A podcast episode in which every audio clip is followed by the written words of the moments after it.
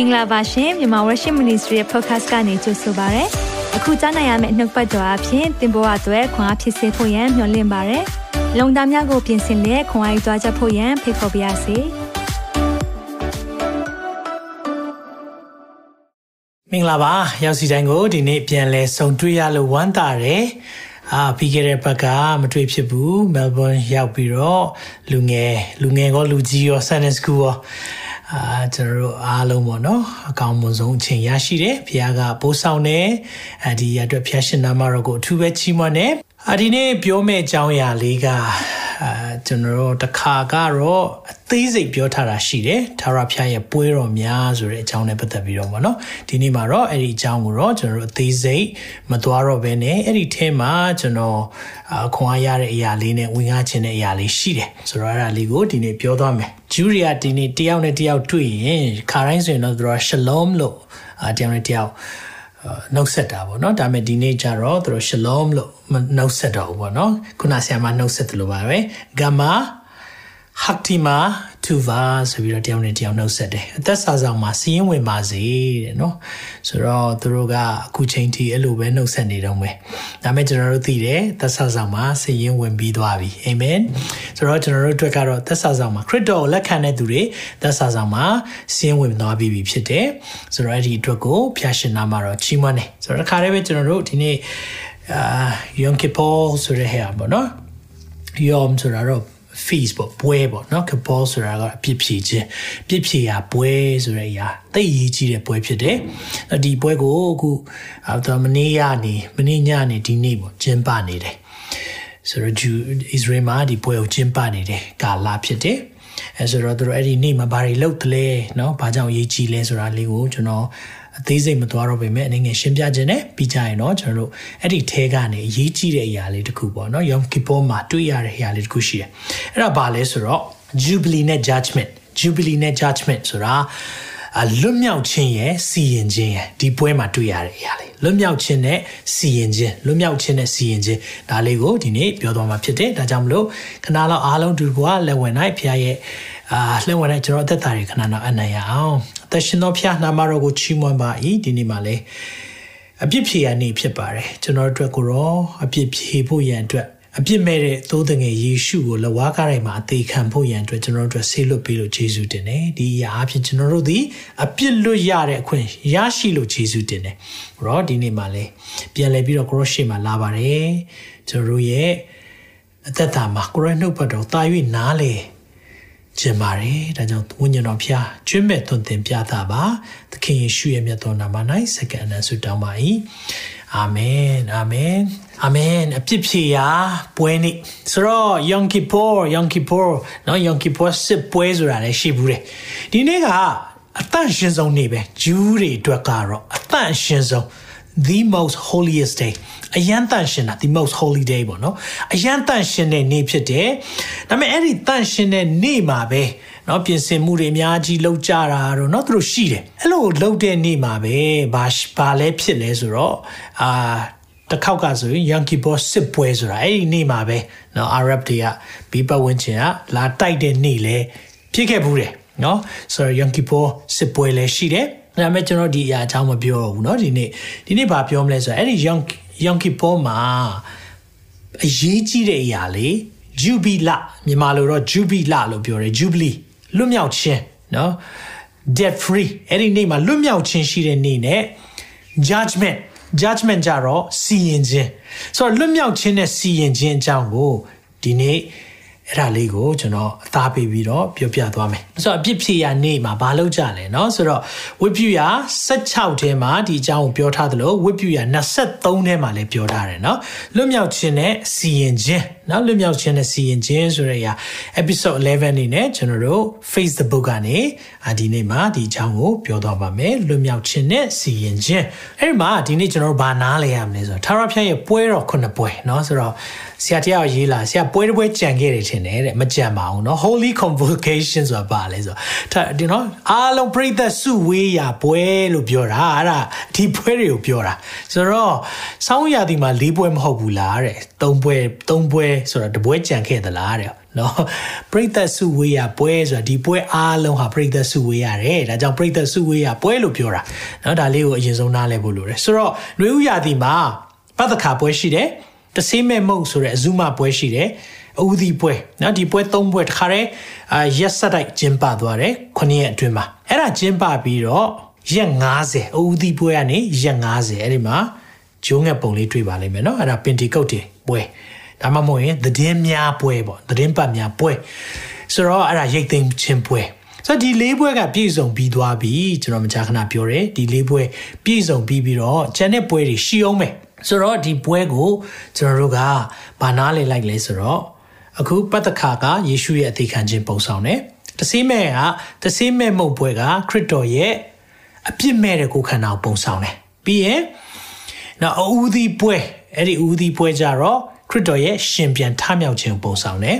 ပြီးရင်ပင်တေကုတ်တီပွဲကြတော့ဘာကိုပုံဆောင်လဲဆိုတော့အဲ့ဒီပင်တေကုတ်တီပွဲကြတော့တန်ရှင်သောဝိညာဉ်တော်စင်သက်သွန်လောင်းခြင်းကိုပုံဆောင်တယ်เนาะပင်ဒီကုတ်ဒီနေ့ပင်ဒီကုတ်ဒီပွဲဒါပေမဲ့အဲ့ဒါအသင်းတော်ရဲ့မွေးနေ့เนาะ ဆိုတော့အသင်းတော်ဘယ်နေ့စလဲတန်ရှင်သောဝိညာဉ်တော်စင်သက်တဲ့ပင်ဒီကုတ်ဒီနေ့เนาะဆိုတော့တန်ရှင်သောဝိညာဉ်တော်စင်သက်တဲ့ပင်ဒီကုတ်ဒီနေ့ဆိုတာအသင်းတော်ရဲ့မွေးနေ့အဲ့ဒီနေ့ကအသင်းတော်တိုင်းကျင်းပရမှာ Pentecostal တွေပဲကျင်းပနေလို့မဖြစ်ဘူးဒါအသင်းတော်တိုင်းကကျင်းပရမယ့်နေ့ဖြစ်တယ်ဒါပေမဲ့ကျွန်တော်ဒါတွေကိုသိနားမလဲတဲ့ခါမှာပင်တီကုတ်တွေနေဆိုတဲ့ဟာကြီးကိုကြောက်လန့်ပြီးတော့เนาะတစ်ခါမှမကျင်းပဘူးဖြစ်လိမ့်မယ် ဒါပေမဲ့ဒါကပင်တီကုတ်တွေနေ့နော် Pentecost Sunday သိအရေးကြီးတယ်ဝိညာဉ်တော်မရှိရင်အသင်းတော်ဆိုတာလူမှုအဖွဲ့အစည်းပဲဖြစ်တယ်နော်ဆိုတော့ကျွန်တော်တို့လူမှုအဖွဲ့အစည်းမဟုတ်ဘူးအသင်းတော်ဆိုတာနော် living organism လှုပ်ရှားနေတဲ့အစိတ်ပိုင်းဖြစ်တယ်နော်အဖွဲ့အစည်းတက်တက်မဟုတ်ဘူးဆိုတာနားလည်ဖို့လိုတယ်ဆိုတော့ကျွန်တော်ပြီးခဲ့တဲ့ Facebook season တခုမှာ trumpet feast of trumpet တကူတဘိုးမှုတ်ခြင်းပွဲအကြောင်းကျွန်တော်ပြောခဲ့တယ်အဲ့တော့တဘိုးမှုတ်ခြင်းပွဲနဲ့ပတ်သက်ပြီးတော့ကျွန်တော်တို့ဒါတွေကို အာလေ့လာပြီးသွားပြီတဘိုးမှုတ်ခြင်းပွဲစတာနဲ့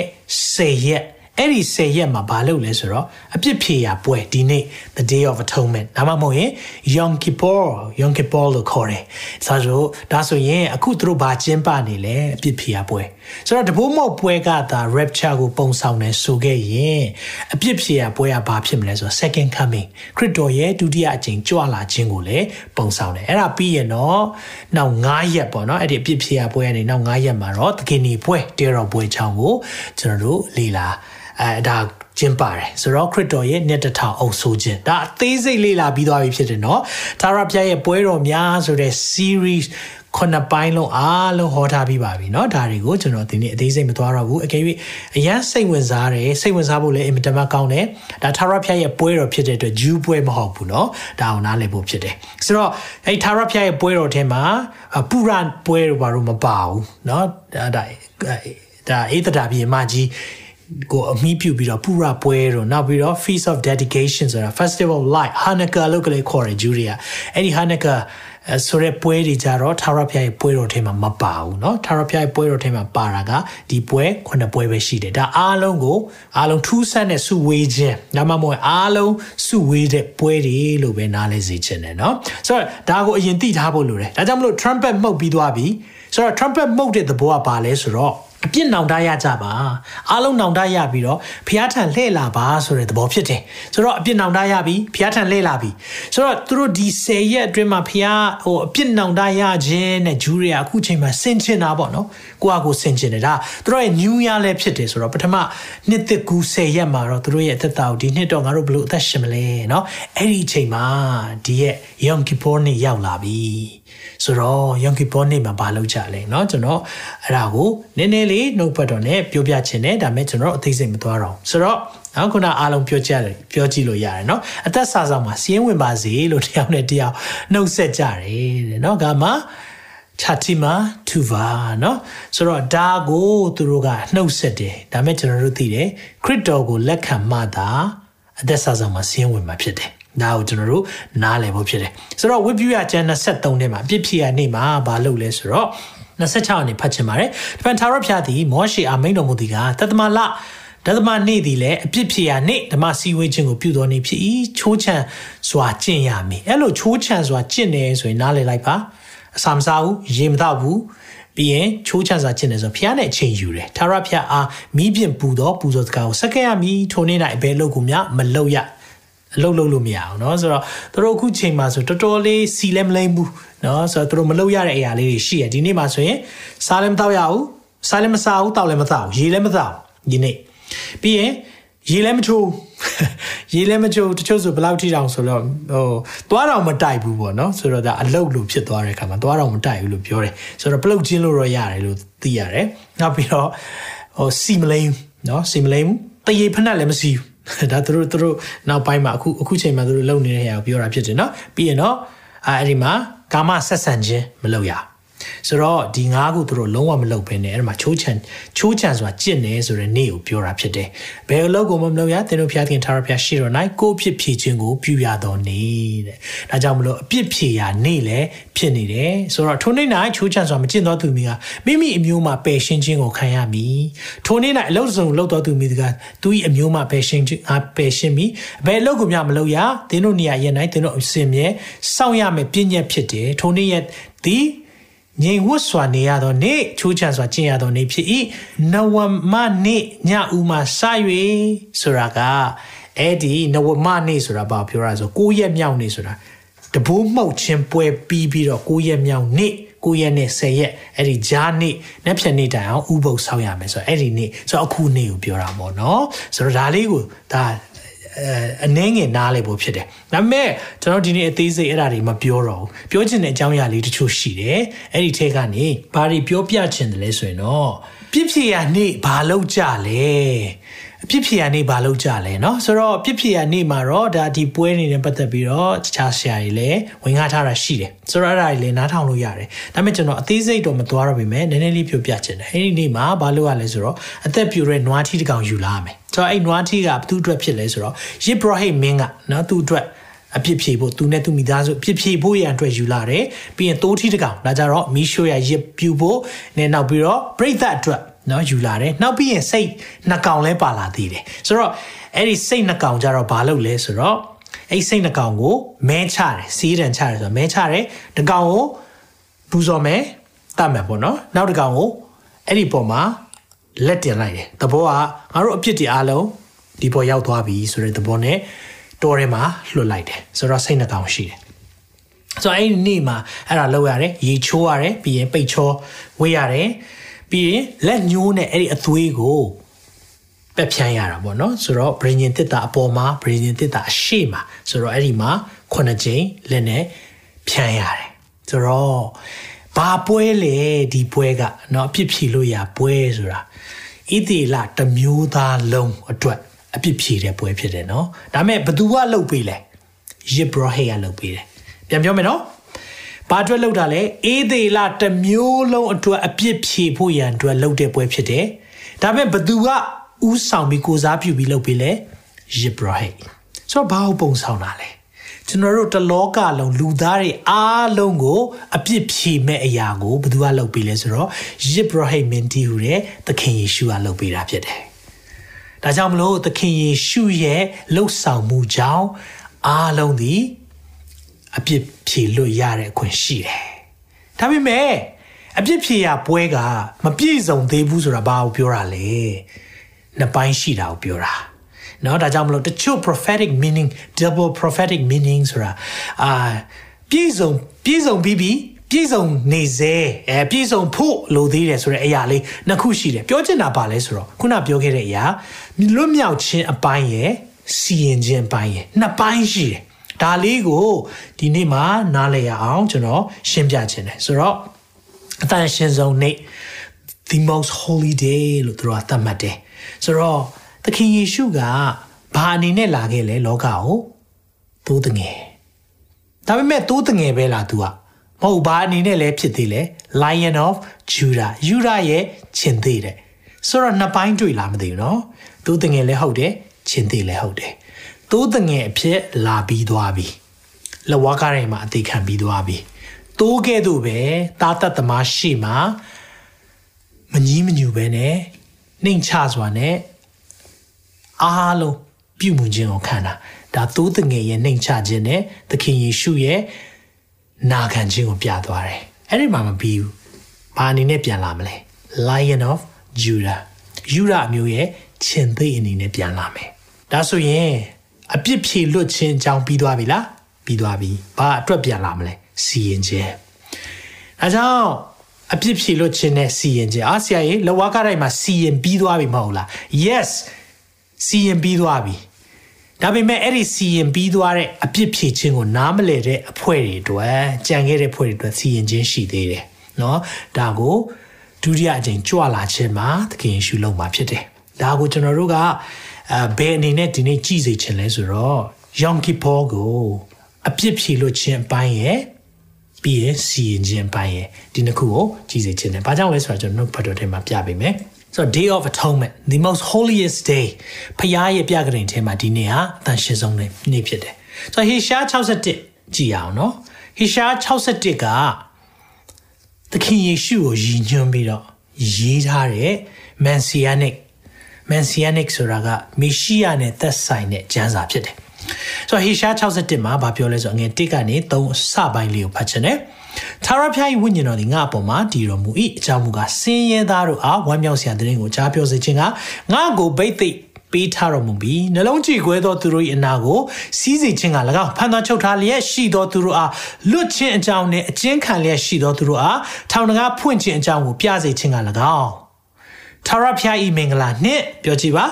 ထာဝရဘုရားဤမင်္ဂလာနှင့်နှင့်ငါတို့ဘုရားသခင်အပြစ်ပေးတော်မူရာနေ့ရက်ကာလနှစ်ပိုင်းရှိရနော်ထာဝရဘုရားမင်္ဂလာနှင့် jubilee ငါတို့ဘုရားသခင်အပြစ်ပေးတော်မူရာကာလ judgment jubilee နဲ့ judgment အမှပြောထားတယ်ကြားပြောစေခြင်းကစိတ်မသာညှိတွားသောသူတို့အားနှစ်သိမ့်စေခြင်းက၎င်းစိတ်မသာညှိတွားသောဇီးုံမြို့သားတို့အဖို့စီရင်၍ ပြာအရာ၌ပေါင်းတဖူဝမ်းနေခြင်းအရာ၌ဝမ်းမြောက်ခြင်းစီညှိုးငယ်သောစိတ်ပေါ်အရာ၌ချီးမွမ်းခြင်းအဝတ်တစားကိုသူတို့အားပေးစေခြင်းကငါတို့ငါကိုစေလွတ်တော်မူပြီသခင်လာတဲ့အကြောင်းရင်းကနှစ်ပိုင်းရှိတယ်ထာဝရဘုရားရဲ့မင်္ဂလာနှစ်နဲ့အပြစ်ပေးတဲ့နေ့ရက်ကာလအကြောင်းဖြစ်တယ်နော်နှစ်ပိုင်းရှိတယ်ဒီဟာလေးကိုဘယ်ထဲမှာလဲပြန်တွေ့ရလဲဆိုတော့ဓမ္မသစ်ထဲမှာပြန်တွေ့ရတယ် ဓမ္မဟောင်းကသခင်ယေရှုမမွေးခင်နှစ်ပေါင်းများစွာနှစ်ပေါင်းယာနဲ့ကြည်ပြီးတော့ဟေရှာယကကြိုပြောတဲ့အရာ ဘယ်မှာပြည့်စုံလဲတစ်ချက်ကြည့်အောင်เนาะအဲ့ဒါကိုလူကာလေးထဲမှာတွေ့ရတယ်လူကာလေးအငယ်14ကနေ21ယေရှုသည်ဝိညာဉ်တော်တကူနှင့်ဂါလိလဲပြည်သို့ပြန်၍တရင်တော်သည်ပတ်ဝန်းကျင်အရက်တို့၌အနှံ့ပြာကျော်စောလေ၏တရားစီရက်တို့၌ဆုံးမဩရာပေးတော်မူ၍လူပေါင်းတို့သည်ကိုရောကိုချီးမွမ်းကြ၏တရားစီရက်ဆိုတာတော့ synagogue เนาะဆိုတော့ဂျူးတွေဝတ်ပြုကိုးကွယ်တဲ့နေရာဒီဝတ်ပြုကိုးကွယ်တဲ့နေရာမှာတဲ့သခင်ယေရှုကဆုံးမဩရာပေးတဲ့အခါမှာအားလုံးက ချီးမွမ်းကြရတယ်ဆိုတော့သူစနဲ့သူပြောတဲ့အရာဟောပြောတဲ့အရာတွေကအသက်ပါတယ်ကြီးပွားတော်မူရာနာဇရက်မြို့သို့ရောက်ပြန်လင်ထုံးစံတော်ရှိသည့်အတိုင်းပြောကြည့်ပါထုံးစံတော်ရှိတယ်ထုံးစံရှိတယ်တဲ့ဘာထုံးစံလဲလေ့လာကြည့်အောင်ဥပုံနေ၌တရားစီရသို့ဝင်၍ကျမ်းစာကိုဖတ်ရွတ်ခြင်းကထတော်မူ၏တဲ့ဆိုတော့သူတို့မှာထုံးစံရှိတယ်ဘာထုံးစံလဲဆိုတော့ဥပုံနေရောက်တိုင်းမှာစီနီဂေါဆိုတဲ့တရားစီရမှာကျမ်းစာဖတ်ရတယ် အဲ့ဒီကျန်းစာကမိသားစုတွေအများကြီးရှိတဲ့ထဲမှာဘယ်ကျန်းစာဘယ်မိသားစုဘယ်ကျန်းစာဘယ်မိသားစုဆိုတော့အပိုင်းလေးတွေခွဲခွဲထားပြီးတော့သူတို့ကဖတ်လေးရှိတယ်။ဘာကြောင့်အဲ့လိုမျိုးလုပ်တာလဲဆိုရင်သူတို့ကျန်းစာပျောက်သွားမှာဆိုးလို့ကျန်းစာပျောက်သွားတဲ့ခေကျန်းစာပျောက်သွားခဲ့ရင်ဘယ်လိုလုပ်မလဲပြန်ရေးလို့ရတယ်ဒီမိသားစုနော်အခုဆိုရောသမိသားစုပေါ့နော်သခင်ယေရှုရဲ့ လောကဖခင်ကြတော့ယောသဖြစ်နေတာဟုတ်ဆိုတော့ယောသမိသားစုကဒီကျမ်းစာဖတ်မယ်ဆိုတော့သူတို့သူတို့မှာဖတ်မဲ့အပိုက်လေးတွေရှိပြီးသားเนาะအားလုံးခွဲထားတယ်အဲ့လိုခွဲထားတဲ့အခါမှာဒါကြောင့်မလို့တရားစရက်ကတရားဆောင်ဆိုတာเนาะတရားစရက်ဆောင်ကဆိုတာအဲ့ဒီမှာအငယ်ဆက်ခုမှာကြည့်တဲ့အခါမှာ prophet Heshaya ရဲ့ကျမ်းစာကိုပေးတယ်เนาะဆိုတော့ဘယ်တစ်ခုကိုပေးလိုက်လဲဆိုတော့ခုနကျွန်တော်တို့ဖတ်ခဲ့တဲ့ Heshaya 61ကိုပေးလိုက်တာအဲ့ဒီအဲ့ဒီနေ့မှာသခင်ယေရှုเนาะ ဒိုမီသားစုပေါ့ယောသတ်ဒိုမီသားစုဖတ်ရမယ်ကျမ်းစာကဟေရှား61ဖြစ်နေတယ်ဆိုတော့ကြည်၍ကျမ်းစာကိုဖွင့်တော်မူလင်တွေ့တဲ့အချက်ဟူမူကားအဲ့ဒီမှာဘာသွားတွေ့လဲဆိုတော့ဖွင့်ဖတ်လိုက်တော့ခုနပြောတာပြီ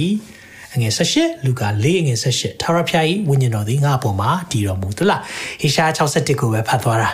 အကြောင့်မူကားဆင်းရဲသားတို့ဟာဝမ်းမြောက်စရာတဲ့ရင်ကိုကြားပြောစေခြင်းကငါ့ကိုဗိတ်သိက်တော်မူပြီးကြေမွသောသူတွေအနာရောဂါပျောက်စေ ပျောက်စေခြင်းက၎င်းဖမ်းသွားချုပ်ထားတဲ့ရှိသောသူတို့အားလွတ်ချင်းချောင်းနဲ့မျက်စိကန်းသောသူတို့အားမျက်စိမြင်ပြန်ခြင်းအကြောင်းကိုပြစေခြင်းက၎င်းညင်းစေခံသောသူတို့ကိုကယ်မစေခြင်းက၎င်းသာရဖျား၏မင်္ဂလာနှစ်ကာလကိုကြားပြောစေခြင်းက၎င်းငါ့ကိုဆေလွတ်တော်မူပြီးတဲ့ဟာငါ့ကိုဆေလွတ်လိုက်တာခုနနှစ်ပိုင်းလားလို့ဟေရှာယမှာဖတ်တော့အခုပြောသွားတော့သာရဖျားရဲ့မင်္ဂလာနှစ်ကာလကြားပြောမယ်တဲ့ လွတ်မြောက်ခြင်းပေါ့နော် debt free ဆိုတာအကျွေးတွေဆက်ပေးမဲ့အရာပဲပြောသွားတယ်။ဘာကြံသွားလဲ။အပြစ်စီရင်ခြင်း။ဒါကြောင့်မလို့နားလည်ဖို့ကဘာလဲဆိုတော့သခင်ယေရှုပထမပြန်လာခြင်းနဲ့ဒုတိယအချိန်ပထမအချိန်လာခြင်းနဲ့ဒုတိယအချိန်ပြန်လာခြင်းကိုခွဲပြီးတော့နှုတ်ဘတ်တော်ထဲမှာဖော်ပြထားတယ်။ ထာဝရဘုရားရဲ့မင်္ဂလာနှစ်ကာလကိုကြားပြောဖို့တနည်းအားဖြင့်အပြစ်တရားကနေလွတ်မြောက်ခြင်းပေးနိုင်တယ်ဆိုရယ်မေရှိယကယ်တင်ရှင်ဖြစ်တယ်။တနည်းအားဖြင့်သိုးတငယ်ဖြစ်ကြောင်းကိုပြတဲ့အရာ။ဒါပေမဲ့နောက်တစ်ပိုင်းကြံသေးတယ်။အပြစ်စီရနေကာလာเนาะဒီရဲ့နှစ်ခုလေးကိုကျွန်တော်တို့ခွဲခြားပြီးတော့သိဖို့လို့ဒါပေမဲ့သခင်ရှုအမှမပြောသွားအောင်တပိုင်းပဲပြောသွားတယ်တပိုင်းကြံနေတယ်ငါ့ကိုဆေလွတ်တော်မူပြီတဲ့ အဲ့ဒီပထမအချိန်လာတဲ့ခါမှာတော့ထာဝရဘုရားမင်္ဂလာနှစ်ကာလကြားပြောဖို့ရောက်လာတာအာမင်ဒါမဲ့တခုကြံသေးတယ်ထာဝရဘုရားရဲ့အပြစ်စီရင်ရာကာလအတွက်လည်းလာအောင်မယ်ဆိုတော့စာလိတ်ကိုအဲ့မှာဘာဖြစ်လဲဆိုတော့ကျမ်းစာလိတ်ကိုတရားစက်အောင်ပြီးထိုင်တော်မူ၏ဆိုတော့ အဲ့မှာထိုင်လိုက်တဲ့အခါမှာသူတို့မှာဘာရှိလဲဆိုတော့ the seat of Moses ဆိုတာเนาะမောရှေရဲ့ခုံလို့ပြောတာအဲ့ဒီမှာဘာပဲထိုင်ကြလဲဆိုတော့တရားသူကြီးဒါမှမဟုတ်ရင်အခွင့်အာဏာရှိတဲ့သူ authority အဲ့ဒီမှာပဲထိုင်တာဆိုတော့သူကအဲ့တရားစက်ကိုဖတ်ပြီးတော့ပြန်ပေးလိုက်တယ်ပြီးတော့ seat of Moses မှာသွားထိုင်လိုက်တဲ့အခါမှာတရားဇီယ၌ရှိသောသူပေါင်းတို့ကိုရောကိုစိတ်စိတ်ကြည့်တယ်ဆိုတာဟာဘာကြီးလဲဘာလို့အဲ့လိုလုပ်တာလဲ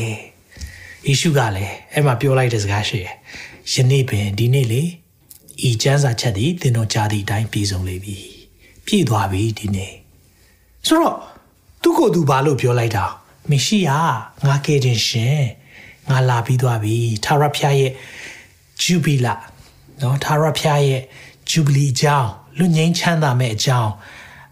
အပြစ်ဖြေလွတ်ခြင်းကြောင်းလာပြောတာမိတ်ဆွေမြင်လားမသိဘူးအဲ့ဒါကြောင့်မလို့သူ့ကိုတရားစီရက်ကနေနော်အားလုံးကတတ်ဖို့ဖြတ်ဖို့ လောက်ကြတော့တာအဲ့ဒီကနေနော်ဆိုတော့ဖမ်းကျင်တယ်လူအုပ်တွေကနော်သူကိုဘာမလို့လဲနော်လက်သမားသားမဟုတ်ဘူးလားသူတို့မသိလိုက်ဘူးသခင်ယေရှုရဲ့နှစ်ကြိမ်ကြွလာခြင်းကိုသူတို့မသိဘူးကျွန်တော်တို့သိတယ်ပထမတစ်ကြိမ်လာပြီးသွားပြီလူဇာတိခံသွားတယ်တစ်ချိန်တည်းမှာပဲသိုးတငယ်ဖြစ်လာသွားတယ်ဘာအနေနဲ့လာအောင်မလဲ Lion of Judah ယူဒာမျိုးရဲ့ချင်းသေးဖြစ်လာအောင်ပဲဆိုတော့ အဲ့ဒီအရာလေးကိုပြည့်စုံလဲပြည့်စုံပြီးသွားတဲ့တပိုင်းရှိတယ်မပြည့်စုံသေးတဲ့အပိုင်းလည်းရှိတယ်။ဒါကြောင့်မလို့ခုနကျွန်တော်တို့ကြည့်ခဲ့တဲ့ပုံမှာဆိုရင်ဘာတွေ့ရမလဲဆိုတော့ဒီ day of atonement တပိုင်းပြီးသွားပြီတပိုင်းကျန်သေးတယ်။အဲ့ဒီတပိုင်းကိုဘယ်တော့ပြည့်မလဲဆိုရင်တော့ second coming ဒုတိယအချိန်ကြွလာခြင်းမှာဒီရဲ့နှုတ်ပတ်တော့ပြည့်စုံလိမ့်မယ်။ဒါဆိုဖះစီရင်ဖို့လာမလား။လာမှာစီရင်ဖို့လာမှာ။ ဒါအောင်နားလဲပါနော်လောကကားတိုင်းမှာစီရင်ပြီးပြီလားစီရင်ပြီးပြီတင်တဲ့ကျွန်တော်လောကအားလုံးရဲ့အပြစ်ချွေးတယ်ဒါပေမဲ့ဂျူးတွေကလက်မခံဘူးလက်မခံခဲ့ဘူးနော်အခုချိန်ဒီမှာလဲဂျူးတွေလက်မခံသေးဘူး Messianic Jew ဆိုတာရှိတယ်ခရစ်တော်လက်ခံတဲ့ဂျူးတချို့ရှိတယ်ဒါပေမဲ့များသောအားဖြင့်လက်မခံဘူး ဆိုတော့တခြားရောရှိသေးလား atheist တွေတို့เนาะတခြားဘာသာတွေရှိတယ်ခရစ်တော်ရဲ့အသေးခံခြင်းကိုလက်မခံတဲ့ဖွဲ့အဲ့ဒီဖွဲ့အတွက်စီရင်ခြင်းတွေလည်းရှိလိမ့်မယ် nation တွေကိုလည်းစီရင်ဖို့ရှိတယ်ဆိုတော့ဒီနေ့မှာပြောမယ်ဆိုတော့ jubilee and judgment မှာထာဝရဘုရားနှစ်ကာလနဲ့စီရင်ခြင်းအဲ့ဒီစီရင်ခြင်းမှာအပိုင်းသုံးပိုင်းရှိတယ် Israel နိုင်ငံကိုစီရင်မယ်ပြီးရင်တိုင်းနိုင်ငံတွေကိုစီရင်မယ်ပြီးမာတူရာများကိုတရားစီရင်မယ်เนาะဒီရဲ့စီရင်ခြင်းတွေရှိသေးတယ်ဆိုတော့သခင်ယေရှုရဲ့ ဒုတိယကြိမ်ပြန်လာတဲ့အခါမှာအပေါ်နှစ်ခုเนาะအဓိကပြောသွားမယ်။ Israel နိုင်ငံကိုစီရင်မယ်။တိုင်းနိုင်ငံတွေကိုစီရင်မယ်။ဆိုတော့ပထမတစ်ခု Israel နိုင်ငံကိုဘယ်လိုစီရင်မှာလဲ။အဲ့ဒီမှာဘာကြောင့်လဲလို့ပြောပြမယ်။ဇာခရီအနာဂတ်ကျမ်း7နှစ်အငယ်30မှာဘာပြောလဲဆိုတော့ဂျေဇုတော်ကိုခံသောသဘောဆုတောင်းပတနာပြုသောသဘောကိုဒါဝိဒ်မင်းမျိုးယေရုရှလင်မြို့သားတို့အပေါ်မှာငါသွန်းလောင်းသဖြင့်သူတို့သည်မိမိတို့ထိုးဖောက်သောငါကို ရှုမြင်ကြလိမ့်မည်။ သူထိုးဖောက်ထားတဲ့တနည်းအားဖြင့်လက်ဝါးကားတိုင်းမှာအသေးသက်လိုက်တဲ့ငါကိုသူတို့မြင်လိမ့်မယ်တဲ့ယေရုရှလင်မြို့သားတွေကမြင်ကြမယ်တဲ့ဘယ်ချိန်မှမြင်ပါလဲသိလား rapture မှာမဟုတ်ဘူး second coming မှာမြင်ပါဒုတိယအချိန်ခရစ်တော်ရဲ့ဒုတိယအချိန်ကြွလာခြင်းမှာဟာငါတို့မျော်လင့်နေတဲ့မေရှိယလာပြီဆိုတော့မေရှိယလည်းလာလဲလာရောကြည်လဲကြည်လိုက်ရောဟာသိတာပေါ့ သိတယ်လေယေရှုပဲဘလို့ဖြစ်တာလဲငါတို့မေရှိယအဲ့ဒီလိုဖြစ်ပြီးတော့တယောက်သေးသောသားအတွက်အဘသည်ငိုကြွေးမိတမ်းတဲ့ကဲ့သို့ထိုသူအတွက်ငိုကြွေးမိတမ်းရလိမ့်မည်။သားဦးအတွက်အဘသည်နာကြီးရကြလိမ့်မည်။အယမ်းနာကျင်တာဟာဘာကြောင့်ငါတို့ဒီလိုလုံမိသွားတာပါလဲ။မိတ်ဆွေတွေ့လား။သင်နဲ့ကျွန်တော်တကယ်ကျေးဇူးတော်ခံစားတာ။ သူတို့လေပိတ်နေတယ်မမြင်သေးဘူး။အခုချိန်ကြီးသူတို့စီရင်ထုံဖွဲ့တဲ့အရာတွေလိုက်နေတော့မယ်။နော်ပညာတရားအောက်မှာမလွတ်မြောက်နိုင်သေးဘူးရှိတယ်။ဒါပေမဲ့ကျွန်တော်လွတ်မြောက်ပြီ။ဟာလေလုယာ။ဖះကိုကြီးမွားမှုဖြစ်တယ်ဒီမှာသူတို့ပြန်မြင်တယ်ဟာသခင်ယေရှုကိုမြင်တော့ဟာသိတာပေါ့ယေရှုယေရှုဟာမရှိယက် Jesus the Messiah နော်သိတယ်လူနည်းနည်းပဲရှိသေးတယ် ကျွန်တော်ဒါကြောင့်ဆုတောင်းပေးရမယ်သူတို့တွေသခင်ယေရှုအဲ့ဒီအချိန်မှမြင်တာမဟုတ်ဘဲနဲ့ဟာထိုးဖောက်လိုက်တဲ့ငါ့ကိုရှုမြင်တယ်နော်ထိုးဖောက်လိုက်တာသူတို့ PS လုပ်တယ်ဆိုတာဆိုတော့သမိုင်းတစ်လျှောက်မှာသူတို့တကယ်တတ်လိုက်တာတယောက်ပဲရှိတယ်ဂျူးသမိုင်းတစ်လျှောက်မှာသူတို့အားလုံးမေရှိယလို့ပြောလို့တတ်လိုက်တာတယောက်ပဲရှိတယ်ယေရှုခရစ်တော်အဲ့ဒီယေရှုခရစ်တော်ကိုပဲသူတို့တတ်လိုက်တော့အဲ့ဒီမှာငိုကြွေးမယ်အဲ့ကြမှာသူတို့ကြေကွဲမှာ too late နော်ဖခင်ကအဲ့ဒီမတိုင်ခင်လေးမှာဘေးရန်ကြီးကာလာမှာကောင်းကောင်းသူတို့ကို စီရင်မယ်ယေရမိ30အငယ်9ကိုမှာအဲ့ဒါကို a time of Jacob's trouble ယာကုပ်အမျိုး၌အမှုရောက်သောနေရဆိုတာပြောထားတယ်အလိုလေထိုနေရကခိုင်းနိုင်စရာမရှိကြည်တော်နေရဖြစ်၏ယာကုပ်အမျိုး၌အမှုရောက်သောနေရဖြစ်တို့ရရင်သူတို့ဒီကဲတင်ချင်းတို့ရောက်ပြီဖခင်ကဲပါလိမ့်မယ်တိုးတော့အဲ့ဒီရဲ့နေရနေရလို့ပြောတာတရက်တည်းကိုပြောတာမဟုတ်ဘဲနဲ့ဘီရန်ကြီးကာလာထဲမှာသူတို့တော်တော်လေးခံရမယ်ဘာလို့လဲဖခင်ကဣသရေလစီရင်လိုက်မယ် ကောင်းကင်ဘုရားရှင်သာရဗျမိန်တော်မူသည်ကထိုနေ့ရက်၌သူတို့ထိုင်းရတဲ့တဘိုးကိုသူတို့လည်းပင်မှာချိုးဖယ်မိငါချိုးဖယ်မိသူတို့ချီနှောင်ထားသောကျူးများကိုငါပယ်ဖြတ်မိငါဖြတ်မိတပားမျိုးသားတို့နောက်ဖန်သူတို့ကိုမစီစားရကြသူတို့သည်မိမိတို့ဖျားသခင်ထားရအမှုကို၎င်းသူတို့အဖို့ငါပေါ်ထွန်းလက်တဲ့သောရှင်ပြန်ဒါဝိအမှုကို၎င်းဆောင်ရွက်ရကြမည်အဲ့ဒီနေ့မှာတော့ နော်တခင်ကိုမြင်တွေ့တဲ့အခါကြမှာပဲနော်ဒါကြောင့်မလို့ကေတင်ချင်းကတော့ရကြလိမ့်မယ်အဲ့ဒီကြမှာသူတို့နောင်တရမှာအဲ့ဒီကြမှာသူတို့အထုံးမဲ့တကက်အထုံးမဲ့အပြစ်ဖြေခြင်းအပြစ်နောင်တရခြင်းနဲ့အဲ့ဒီနေ့မှာတာဦးသေတယ်လို့မျိုးဆိုတော့အဲ့ဒီကြမှာသူတို့ကြေကွဲသွားမှာအခုသူတို့ကြေကွဲတယ်ဆိုတာသူတို့ကသက်စာဆောင်မှာတစ်နှစ်လောက်စီးရင်ဝင်ဖို့အတွက်ပဲသူတို့ကကြေကွဲတာလေနော်ဒါပေမဲ့တကယ်တမ်းကျတော့ကျွန်တော်နားလေရမှာဒီနေ့ဖခင်ကကျွန်တော်တို့ကိုဂျေဇုတော်ကာလ ပေးထားပေးတယ်အဲ့ဒီချိန်မှာနောင်တရပြီးတော့ဘုရားထံလှည့်လာဖို့လိုတယ်ဒါပေမဲ့နောင်တမရတဲ့သူတွေဘုရားစီရင်မလားစီရင်မယ်ဒိန်လ920ခွန်ကျွန်တော်ဒီကြောင်မကြာခဏလေ့လာတယ် the the din တွင်ဆိုတာခုနှစ်နှစ်လူများတို့နဲ့ပဒင်းရင်ဖွဲ့လျက်ထိုသတင်းတဝက်တွင်ပူဇော်ခြင်းနဲ့ဆက်ကပ်ခြင်းပပျောက်စေမိရွှန်ရှာပွေသောအရာထွတ်ထိပ်သို့ဖြတ်စီသောသူသည်ရောက်၍စီရင်ဆုံးဖြတ်သောတုတ်တင်ပယ်ရှင်းခြင်းသည်ဖြတ်စီရသောသူတို့ကိုမလွှမ်းမိုးမိတိုင်အောင်ထို့သောဖြစ်လိမ့်မည်ဟုကြားပြောတယ်အဲ့ဒီခုနှစ်နှစ် Jacob's trouble ယာကုပ်အမှုရောက်တဲ့ကာလအဲ့ဒီခုနှစ်နှစ်ရဲ့เนาะအစပိုင်းပြီးတော့၃နှစ်ခွဲမှာရစ်ပူဇော်ခြင်းနေစက္ကတ်ခြင်းနေဖယ်ရမယ်။ယွန်ရှာပွဲတဲ့အရာဆိုသူကိုယ်သူဖျားလို့ပြောမှာ antichrist သူတို့ကလေမေရှိယလို့ထင်မှားထင်အောင်ထင်မှားဖြစ်အောင်မယ်။သူတို့အကူညီပြီးတော့သူတို့လမ်းပြပြီးမယ်တရားလို့ထင်အောင်မယ်။ဒါပေမဲ့အဲ့ဒါကတကယ်အစ်စ်မေရှိယကယ်တင်ရှင်မဟုတ်ဘူး။အတူရောင်ဒါပေမဲ့သူတို့သုံးနှစ်ခွဲထိသူတို့မသိဘူး။ သုံးနှစ်ခွဲကြမှာသူတို့သိလိုက်မယ်။အဲကြောင့်ဣသရေလနိုင်ငံအတွက်အထူးဆုတောင်းပေးဖို့လိုတယ်။အဲ့ဒီမှာယောမထဲမှာလည်းအရှင်ဘောလူကနည်းနည်းတဲ့အရာမှတ်မိလားကျွန်တော်ပြောခဲ့တယ် mystery mystery เนาะမသိတဲ့အရာလှုပ်ဝက်ချက်လေးခုနှစ်ခုရှိတယ်အဲ့ထဲတစ်ခုကပါလဲဆိုတော့ယောမ17 25 26ညီကိုရောသင်တို့သည်ဝါကြွားသောစိတ်မရှိစေခြင်းကကြောင့်တပားမျိုးသားအပေါင်းတို့သည်မဝင်မီတိုင်အောင် အေးဒီလာလူအချို့တို့ကိုမှောင်မိုက်ဖုံးလွှမ်းခြင်းအကြောင်းတည်ဟုသောသူတို့ကို veil ဖုံးထားရဆိုမှောင်မိုက်ဖုံးလွှမ်းနေတာဆိုတော့အေးဒီတပားအမျိုးသားတွေဝင်ဖို့ကာလဆိုတာကျွန်တော်တို့တွေတကယ်ကိုဝင်ရတဲ့ကာလဂျေဇုတော်တကားကြီးဖွင့်နေတဲ့ကာလဒါပေမဲ့သူတို့ကလေမှောင်မိုက်ဖုံးလွှမ်းထားတော့ဘာမှမသိဘူးနည်းနည်းတော့အရာတခုကိုမသိစေခြင်းကငါအလိုမရှိဆိုတော့အော်ဒီမှာလဲပြောမယ်နော်တဲ့ mystery တခုဘာပြောလဲဆိုတော့ ထို့သောကျမ်းစာနှင့်ညီအေးသေးလာလို့အပေါင်းတို့သည်ကယ်တင်ခြင်းသို့ရောက်ပါကြမယ်။အေးသေးလာတွေကိုဘုရားကယ်ပါလိမ့်မယ်။ဒါပေမဲ့အိတ်ကာလမတိုင်ခင်အထီတော့မှောင်မိုက်ဖုံးပြီးတော့သူတို့မှလေမေရှိယကိုမမြင်နိုင်ဘူး။သူတို့အတွက်အပြစ်ဖြေသွားတဲ့သိုးတငယ်ရှိပြီးတော့သူတို့မသိသေးဘူး။ဒါကြောင့်မလို့သူတို့အတွက်အထူးသဖြင့်အပြစ်ဖြေမဲ့နေနဲ့သူတို့တွေကယ်တင်ခြင်းရမယ်နေ့ရောက်လာအောင်မယ်။ဘုရားရဲ့ဂတိစကားဖြစ်တယ်နော်။ဒါလေးကိုနားလည်ဖို့လိုတယ်။ နောက်စီရင်ခြင်းတစ်မျိုးကြတော့တိုင်းနိုင်ငံတွေကိုဖခင်စီရင်ပါအဲ့ဒီဒုတိယအချိန်ကြွလာတဲ့အခါမှာဒီနေ့အဖြစ် day of atonement မှာပဲဒုတိယအချိန်ခရစ်တော် second coming เนาะသူရဲ့သူတို့သမီးတွေကျွန်တော်အားလုံးပါတယ်အဲ့ဒါနဲ့ပြန်လာတဲ့နေ့ရင်ခုန်လာအဲ့ဒီနေ့အတွက်တော့เนาะကျွန်တော်တို့တွေဘယ်မှာစီရင်ခြင်းခံရမလဲဖခင်ရဲ့နှုတ်ကပတ်တော်အတိအကျပြောထားပြီးပြီကျွန်တော်နားလဲတယ်ချီဆောင်ခြင်းเนาะချီဆောင်ခြင်းကျွန်တော်တက်သွားမယ်ပြီးရင်ခုနှစ်နှစ် အာဒီတိုးတငယ်မင်္ဂလာဆောင်ပွဲနဲ့ဒီမှာ judgment စုပေးပွဲတွေနော်တရားစီရင်ခြင်းတွေအမှလည်းရှိတယ်ယုံကြည်သူတရားစီရင်ခြင်းတွေပြီးလဲပြီးရောအဲ့ဒီကနေကျွန်တော်တို့ကယုံကြည်သူတွေနဲ့အားလုံးပြန်ဆင်းလာမယ့်အချိန်ရှိတယ်အဲ့ဒီပြန်ဆင်းလာတဲ့အချိန်လေးနော်ဒါလေးအဲ့အချိန်မှာတိုင်းနိုင်ငံတွေကိုဖျားစီရင်မယ်နော်ဆိုတော့ဘယ်နေရာမှာလဲဆိုတော့ the battle of armageddon armageddon စစ်ပွဲဖြစ်မဲ့နေရာဒီမှာ jezreel valley ဆိုတာရှိတယ်နော် the valley of Jehoshaphat နော်ဒီဟာကိုအခု Israel သွားမယ်ဆိုရင်ဒီနေရာတစ်ခေါက်နပိုလီယန်ကပြောဘူးတယ်တဲ့ဟာဒီနေရာတော်တော်လေးကိုစစ်တိုက်လို့ကောင်းမဲ့နေရာပဲလို့ပြောဘူးတယ်တဲ့နော်ဆိုတော့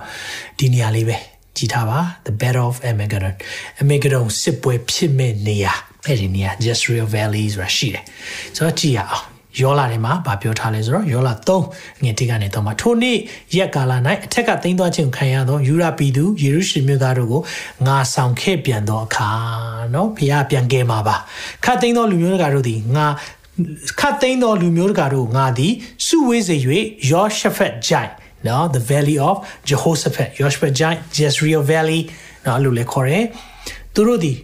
သူတို့ဒီငါပီကိုဝေးဖန်နေဆိုတာနော် ဟိုဖြန့်ကျက်ပလိုက်တာနော်ခွဲပလိုက်တာပြီးရင်အတိုင်းတိုင်းပြီးပြီးတော့တွင်ကွဲပြားစီသောငါ၏အမွေလူအေဒီလာမျိုးဖက်မှာငါဒီတရားစီရင်မယ်တဲ့နော်သူကလည်းစီရင်တဲ့အေဒီလာတွေကိုဒါပေမဲ့အဲ့လိုမျိုးစီရင်တဲ့နော်အခုချိန်မှာတိုင်အဲဂျူးတွေအထူးသဖြင့်ဖျားလူမျိုးတော်တွေကိုအာနှိမ့်ဆက်ညှဉ်းပန်းတဲ့အဖွဲတွေရဲ့တစ်ဖက်မှာလည်းဖျားငါစီရင်မယ်နော်တဲ့ အဲမှာဖျားပြောပြီးဆိုတော့ဒါကြောင့်ဖျားရဲ့စီရင်ခြင်းကတိုင်းနိုင်ငံတွေမှာရှိမယ်နော်နောက်ပြီးရင်ဗာပြောထားသေးလေတတလုံးနဲ့ဒုတိယဆောင်ခန်းကြီးတင်ငယ်6နဲ့ရှင်ပါဘယ်တော့နိဟုမက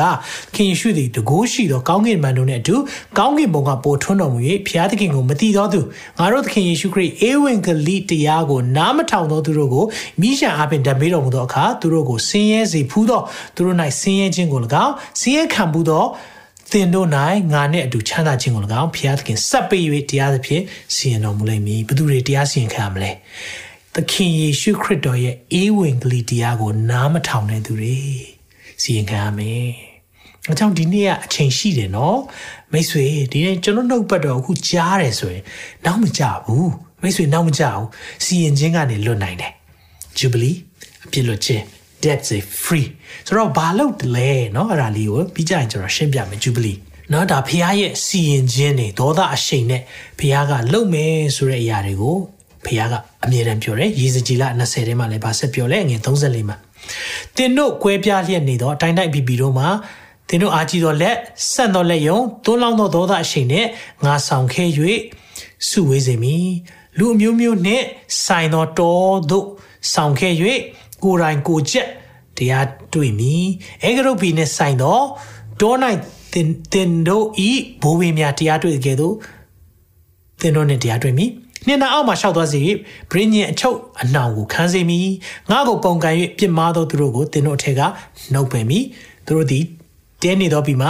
ထွက်သွားရတော့လေအေးသေးလာပြီးတော့မဝင်ရကြငါသည်ထာဝရဘုရားဖြစ်ချောင်းကိုတင်တို့သိရမယ်ဒါကြောင့်ဖခင်က တိုင်းတိုင်းပြည်ပြည်ကိုစီရင်မဲ့ကာလလည်းရှိတယ်။ဒါကြောင့်အခုချိန်မှာလေစိတ်မပြတ်နဲ့။ဒါကလေကျွန်တော်စဉ်းစားတဲ့အခါမှာဘာကြောင့်မလို့เนาะယုံကြည်သူတွေကိုညှင်းဆဲနေတဲ့နိုင်ငံတွေမှာတိုးတက်နေတာလေเนาะ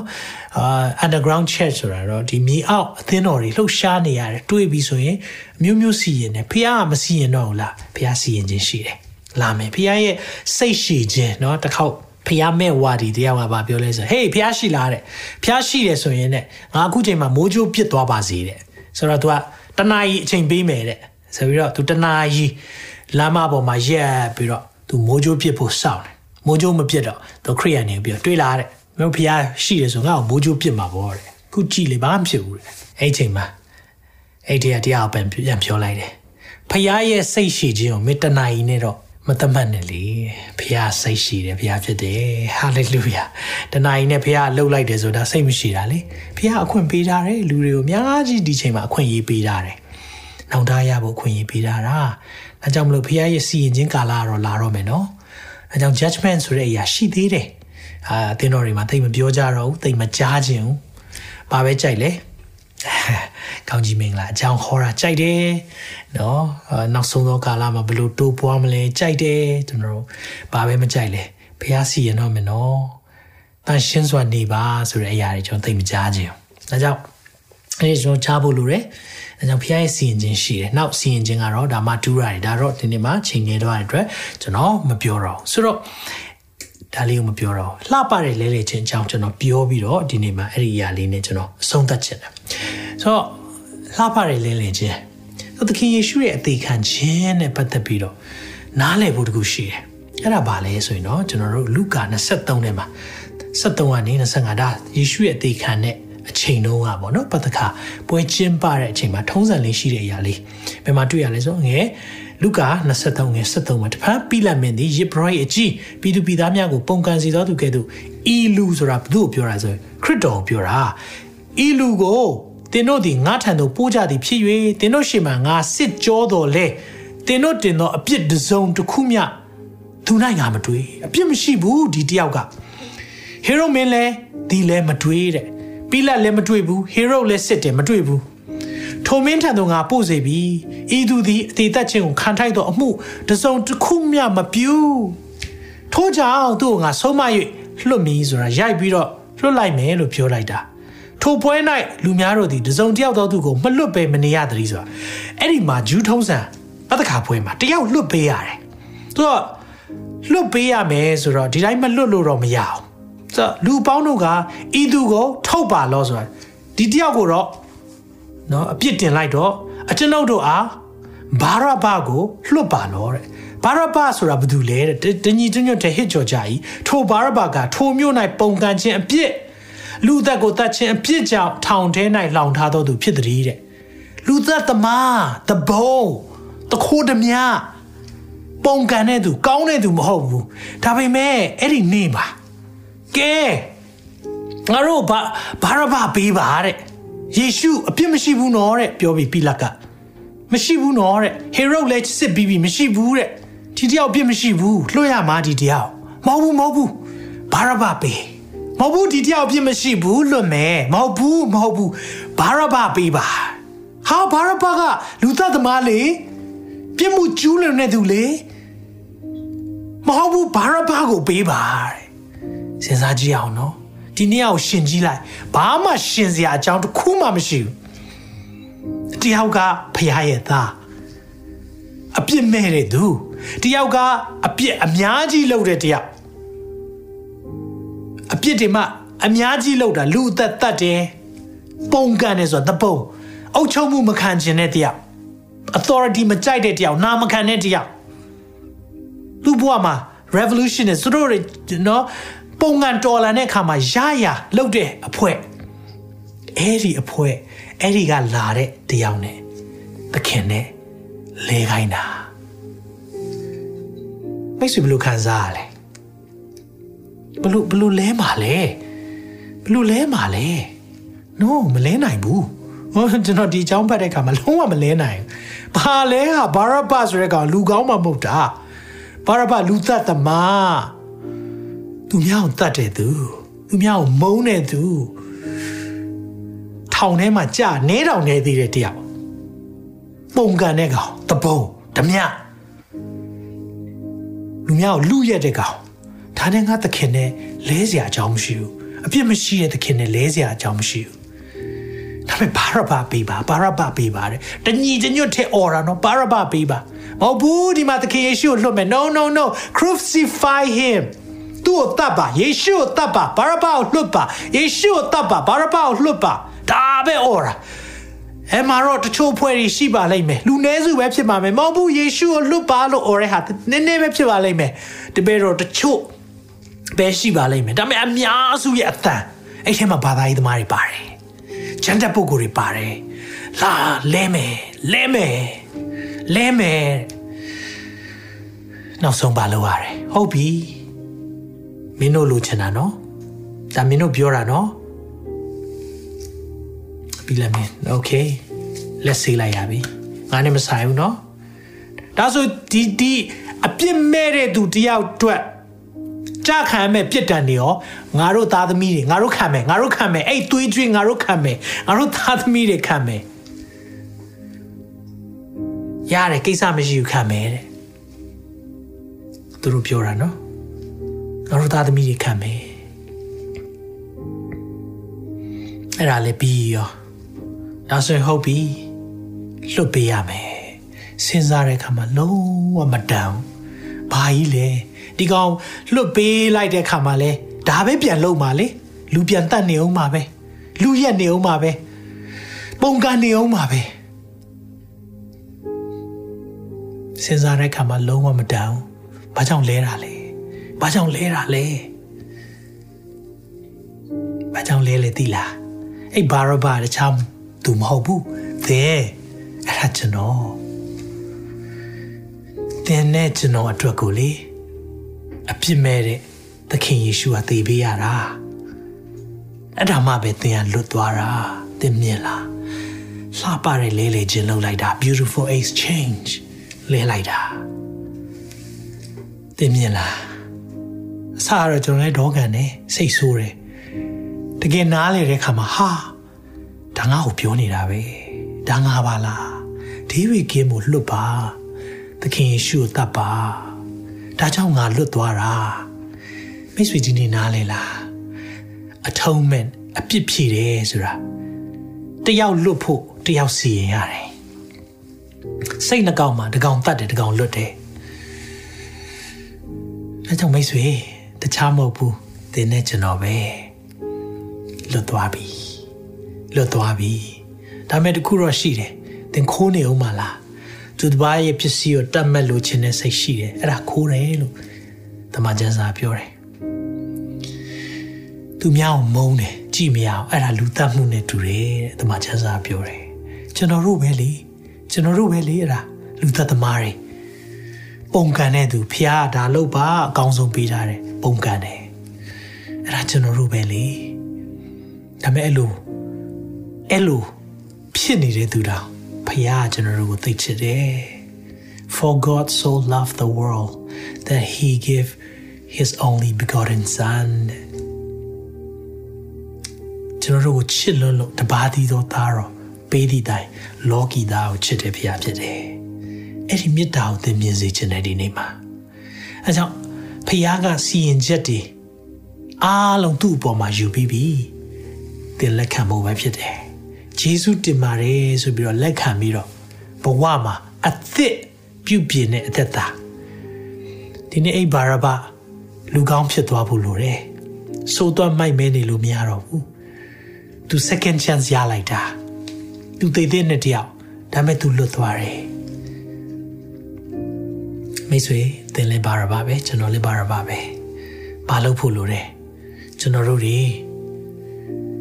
ဖခင်ရဲ့ခွင့်လွှတ်ခြင်းကိုရတဲ့အခါမှာကျွန်တော်ရဲ့အသက်တာမှာဖခင်ရဲ့မေတ္တာဖခင်ရဲ့ဂရုဏာရဲ့ပြုပြင်ခြင်းကိုလည်းနားလည်ဖို့လိုတယ်။အဲ့လိုသက်ရှင်သွားမယ်ဆိုရင်ကျွန်တော်တို့အသက်တာအယံကိုလှပလိမ့်မယ်။လူမီဒီကခရစ်တော်၌ရှိလင်အသက်ပြုပြင်သောတတော်ဖြစ်၏။ဟောင်းသောအရာတို့သည်ပြောင်းလဲ၍ခတ်သိမ်းသောအရာတို့သည်အသက်ဖြစ်ကြပြီ။ ခတ်သိမ်းသောအရာအသက်ဖြစ်ဖို့အဲကြောင့် this year is all things new အသက်ဖြစ်မဲ့နဲ့မိတ်ဆွေဒီနေ့ခရစ်တော်လက်ခံပါကျွန်တော်ဆုတောင်းပေးခြင်းလေ။သင်ရဲ့တသက် Jubilee year of Jubilee အဲ့ဒီ Jubilee year မှာမလုပ်ပေးရလဲဆိုတော့ Jubilee year ဆိုတာဥပုံနှစ် Shemitah လို့ခေါ်တယ်နော်ဆိုခုနှစ်နှစ်တိုင်းခုနှစ်နှစ်ပြည့်တာ Shemitah လို့ခေါ်တယ်အဲ့ Shemitah ခုနှစ်ခုဥပုံနှစ်ခုနှစ်ခုပြည့်ရင်49ကိုနှစ်ပြီးတော့အဲ့ဒီနှစ်90မြောက်က a year of jubilee တဘိုးမှုတ်ပြီးတော့ a year of jubilee တဘိုးမှုတ်ပြီးတော့ jubilee နှစ်ကိုကြီးညာတယ် jubilee နှစ်ကြီးညာရင်ဘာလုပ်လဲရှုံးသွားတဲ့လေမြေကွက်တွေအားလုံးမူလပိုင်ရှင်ထံပြန်ပေးရတယ်အကျွေးရှိသမျှအားလုံးခြေပေးတယ်ဘာကိုပြတာလဲသခင်ယေရှုလာတဲ့အကြောင်းရင်းကသင်ရဲ့အဖြစ်ကြွေးအားလုံးခြေပေးလိုက်တာဟာလေလုယာအာမင်ဒါကြောင့်မလို့သင်ဟာအပြစ်လွတ်သွားတာသခင်ယေရှုလက်ခံရင် ဒါကြောင့်ဒီနေ့သခင်ယေရှုနဲ့သင်ကိုမိတ်ဆက်ပေးတာဖြစ်တယ်သင်ဟာစိုးသွားမိုက်မဲတဲ့သူသင်သိတယ်သင်ကိုသင်ပြန်စဉ်းစားရင်သင်မှာအများကြီးအာကုသိုလ်တွေများတယ်ဒါပေမဲ့အဲ့ဒီအာကုသိုလ်တွေကိုကုသိုလ်ဖြစ်မင်္ဂလာဖြစ်အမင်္ဂလာနဲ့မင်္ဂလာဖြစ်ပြောင်းပေးနိုင်ရင်သူရှိတယ်သခင်ယေရှုဖြစ်တယ်သူပြန်လာတော့မယ်အဲကြောင့်သင်ဒီချိန်မှာဒီနှုတ်ပတ်တော်ဒီနေ့ကြားရဲဆိုရင်ကိုယ့်ရဲ့ဘဝကိုယ့်ရဲ့အသက်တာကိုသခင်ယေရှု၌ အနံ့လိုရဲဆိုရင်ကျွန်တော်ဆုတောင်းပေးပါရစေကျွန်တော်တော့ယေရှုပြေလိုက်ဆိုပေးပါသခင်ယေရှုခရစ်တော်ဖျားကျွန်တော်ဟာအပြစ်သားဖြစ်ပါတယ်ဘာရဘကဲ့သို့တေပြစ်ထိုက်တော်သူဖြစ်ပါတယ်သို့ပေမဲ့လည်းအပြစ်မဲ့တဲ့သခင်ယေရှုကြောင့်ကျွန်ုပ်သည်လွတ်ချင်းရလို့ဂျေဇုတော်ချီးမွမ်းပါတယ်ကျွန်ုပ်ပြစ်အားလုံးကို နောင်တရပါတယ်သခင်ခွင့်လွှတ်ပေးဖို့ရန်တောင်းပန်ဝင်ချပါတယ် ကျွန်ုပ်ဘဝကိုအုပ်ဆိုပါကိုရောအသက်ရှင်စီလိုတဲ့အတိုင်းအသက်ရှင်ပါမယ်သခင်ယေရှုနာမ၌ဆုတောင်းပါ၏အာမင်အာမင်မိတ်ဆွေဒီဆုတောင်းချက်ကိုဆုတောင်းတယ်နှလုံးသားထဲကအကျွမ်းမဲ့ဖိတ်ခေါ်ရဲဆိုရင်သင်ဘဝမှာသခင်ယေရှုစတင်ပြီးသင်နဲ့သင်နှလုံးသားထဲမှာရောက်လာပြီသင်ဘဝကိုစပြီးလမ်းပြတော့မယ်ပဲ့ပြင်တော့မယ်ပို့ဆောင်တော့မယ်ဟာလေလုယာကြီးမြတ်တဲ့ဖခင်ရှင်နာမတော်ဘုန်းကြီးပါစေအဲကြောင့်ဒီနေ့ Jubilee လွတ်မြောက်ခြင်းကာလတွေရှိတယ် judgment လာတော့မယ်ဒါပေမဲ့အဲ့ judgment ထဲမှာကျွန်တော်တို့မပါဘူးလို့တယ်အဲ့ဒီ judgment ထဲမှာကျွန်တော်တို့ပါဖို့အကြောင်းမရှိတော့ဘူးဒါကိုဒီနေ့မှနားလည်စေချင်တယ်အကြောင်းဒီရင်ဘုရားမှာဖခင်နဲ့ဆက်သွားပါသက်တာမှာဖခင်အသက်ရှင်စေလိုတဲ့အသက်တာတိုင်းတွားပါဘုရားသခင်ကသင်ကိုအကောင်းဆုံးပို့ဆောင်ပါလိမ့်မယ်အာမင်ကျွန်တော်ဆုတောင်းကောင်းကြီးပေးခြင်းနဲ့ဆုံးသက်သွားမှာဖြစ်တယ်သက်ရှင်တော်ဘုရားဒီနေ့အတွက်ယေရှုတင်တယ် တန့်ရှင်းဆုံးနေ့ဖြစ်ပါတယ်။ဘာကြောင့်လဲ။မတန့်ရှင်းတဲ့ကျွန်တော်တို့အတွက်ကိုရောရဲ့တန့်ရှင်းသောသားတော်သခင်ယေရှုသေခံပြီးတော့အပြစ်ကြွေးဆက်ခြင်းကိုပုံဆောင်တဲ့နေ့ဖြစ်ဖြစ်လို့ပဲဖြစ်ပါတယ်။အဲကြောင့်ကိုရောဒီရဲ့ပုံဆောင်ခြင်းမှာလွတ်မြောက်ရလို့ယေရှုတင်တယ်လို့အဲ့ဒီပုံဆောင်ခြင်းမှာလဲကိုရောရဲ့စီရင်ခြင်းတွေလာတော့မယ်ဆိုတာကိုလဲ တတိပေးခံရလို့ယေရှုတင်တယ်အသက်တာကိုပြင်ဆင်တတ်တော်သူများဖြစ်ဖို့ဝိညာဉ်တော်ဘုရားတယောက်ချင်းစီရဲ့နှလုံးသားကိုကောင်းချီးပေးပါဒီထဲမှာမကြမ်းမာတဲ့သူတွေရှိပါတယ်သူဖြင့်အကျော်နာနေတဲ့သူများအတွက်ကျွန်တော်ဒီနေရာကနေဆုတောင်းပေးပါတယ်တင်ပစုံကနေပေါင်နာနေတဲ့သူများအားလုံးပေါ်မှာဖခင်ရဲ့လက်တော်ဆန့်တမ်းပြီးတော့ကျမ်းမာခြင်းကိုကြီးညာတယ်လမ်းမလျှောက်နိုင်တဲ့အရာများထပြီးရင်ထိုင်ဖို့ခက်တဲ့အရာထိုင်ပြီးရင်ထဖို့ခက်တဲ့အရာတွေဖြစ်နေတဲ့သူအားလုံးပေါ်မှာ ယေရှုနာမ၌ယေရှုခရစ်တော်ရဲ့အသွေးတော်တို့အပြင်ကျမ်းမာခြင်းရရှိကြောင်းဒီနေရာကနေကြီးညာပါတယ်တန်ချက်တော်များအပြင်ငါတို့ဒီအနာပြောက်လဲရှိကြ၏ဆိုရနှုတ်ပတ်တော်ကိုကြီးညာပါတယ်ဖခင်ရဲ့ကုသခြင်းကိုခံစားရပါမိကြောင်းဒီနေ့မှာဆုတောင်းပေးပါတယ် Be healed in the mighty name of Jesus.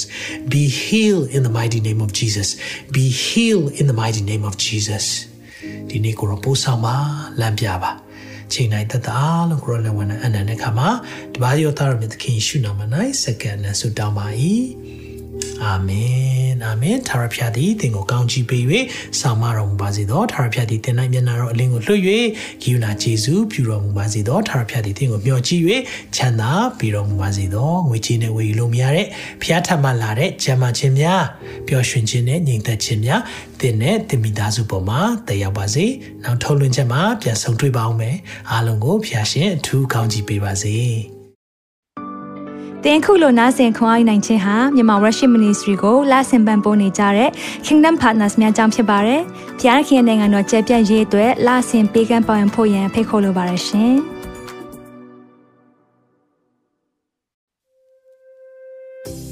အခုကြားနာခဲ့ရတဲ့နှုတ်ပတ်တော်အဖြစ်ခွန်အားရရှိမဲ့လို့ယုံကြည်မျှော်လင့်ပါတယ်။ခွန်အားရဆိုလို့ရှိရင်ဒီတစ်ပတ်နဲ့ပြန်လည်ဝင်မြပေးဖို့ရန်တောင်းဆိုပါရစေ။ မြန်မာ Worship Ministry ရဲ့ website myanmarworship.com ကိုလည်းလာရောက်လေ့လာဖို့ရန်တွဲဖိတ်ခေါ်ချင်ပါတယ်။တစ်ချိန်တည်းမှာမြန်မာ Worship Ministry ရဲ့ social media platform များဖြစ်တဲ့မြန်မာ Worship YouTube Channel, မြန်မာ Worship Facebook Page နဲ့မြန်မာ Worship Instagram များကိုလည်းလာရောက်လေ့လာဖို့ရန်တွဲဖိတ်ခေါ်ချင်ပါတယ်။နောက်တစ်ချိန်မှာပြန်လည်ဆုံတွေ့ကြပါစို့။ဖျားရှင်ကောင်းကြီးပေးပါစေ။